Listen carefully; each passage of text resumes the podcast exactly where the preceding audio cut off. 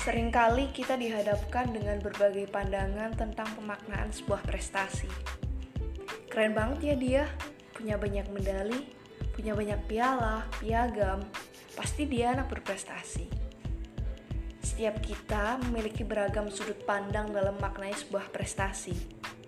Kali ini, aku mencoba menyampaikan seisi kepalaku tentang apa sih prestasi itu Kali saja yang aku sampaikan itu memiliki nilai berbeda dengan kebanyakan orang memandang prestasi yang hanya sebatas pada piagam dan piala yang dijunjung tinggi. Sejauh ini hidup, kita sering kali dihadapkan dengan kegagalan beserta deretan kawan-kawannya. Sepakat atau tidak? Sampai mungkin di antara kita pernah ya berada di fase berpikiran, aku ini bodoh banget kali ya, lomba terus gak menang-menang, atau lagi, lihat teman-teman udah bisa ngasih kebahagiaan ke orang tua dengan prestasi mereka, kok aku belum bisa ya? Sebenarnya, setiap kita adalah sosok berprestasi. Iya, sosok berprestasi dengan cara kita memberikan esensi dari prestasi itu sendiri.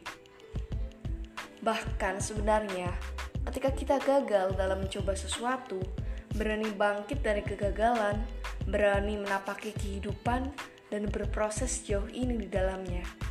Semua hal itu merupakan sebuah prestasi yang pantas kita apresiasi. Jadi untuk kalian yang masih menganggap prestasi hanya sebatas pada piagam ataupun piala yang dijunjung tinggi, please, mulai sekarang kita benahi kembali pemikiran yang demikian. Dan yakinlah bahwa setiap kita adalah sosok berprestasi dengan jalan dan esensinya masing-masing.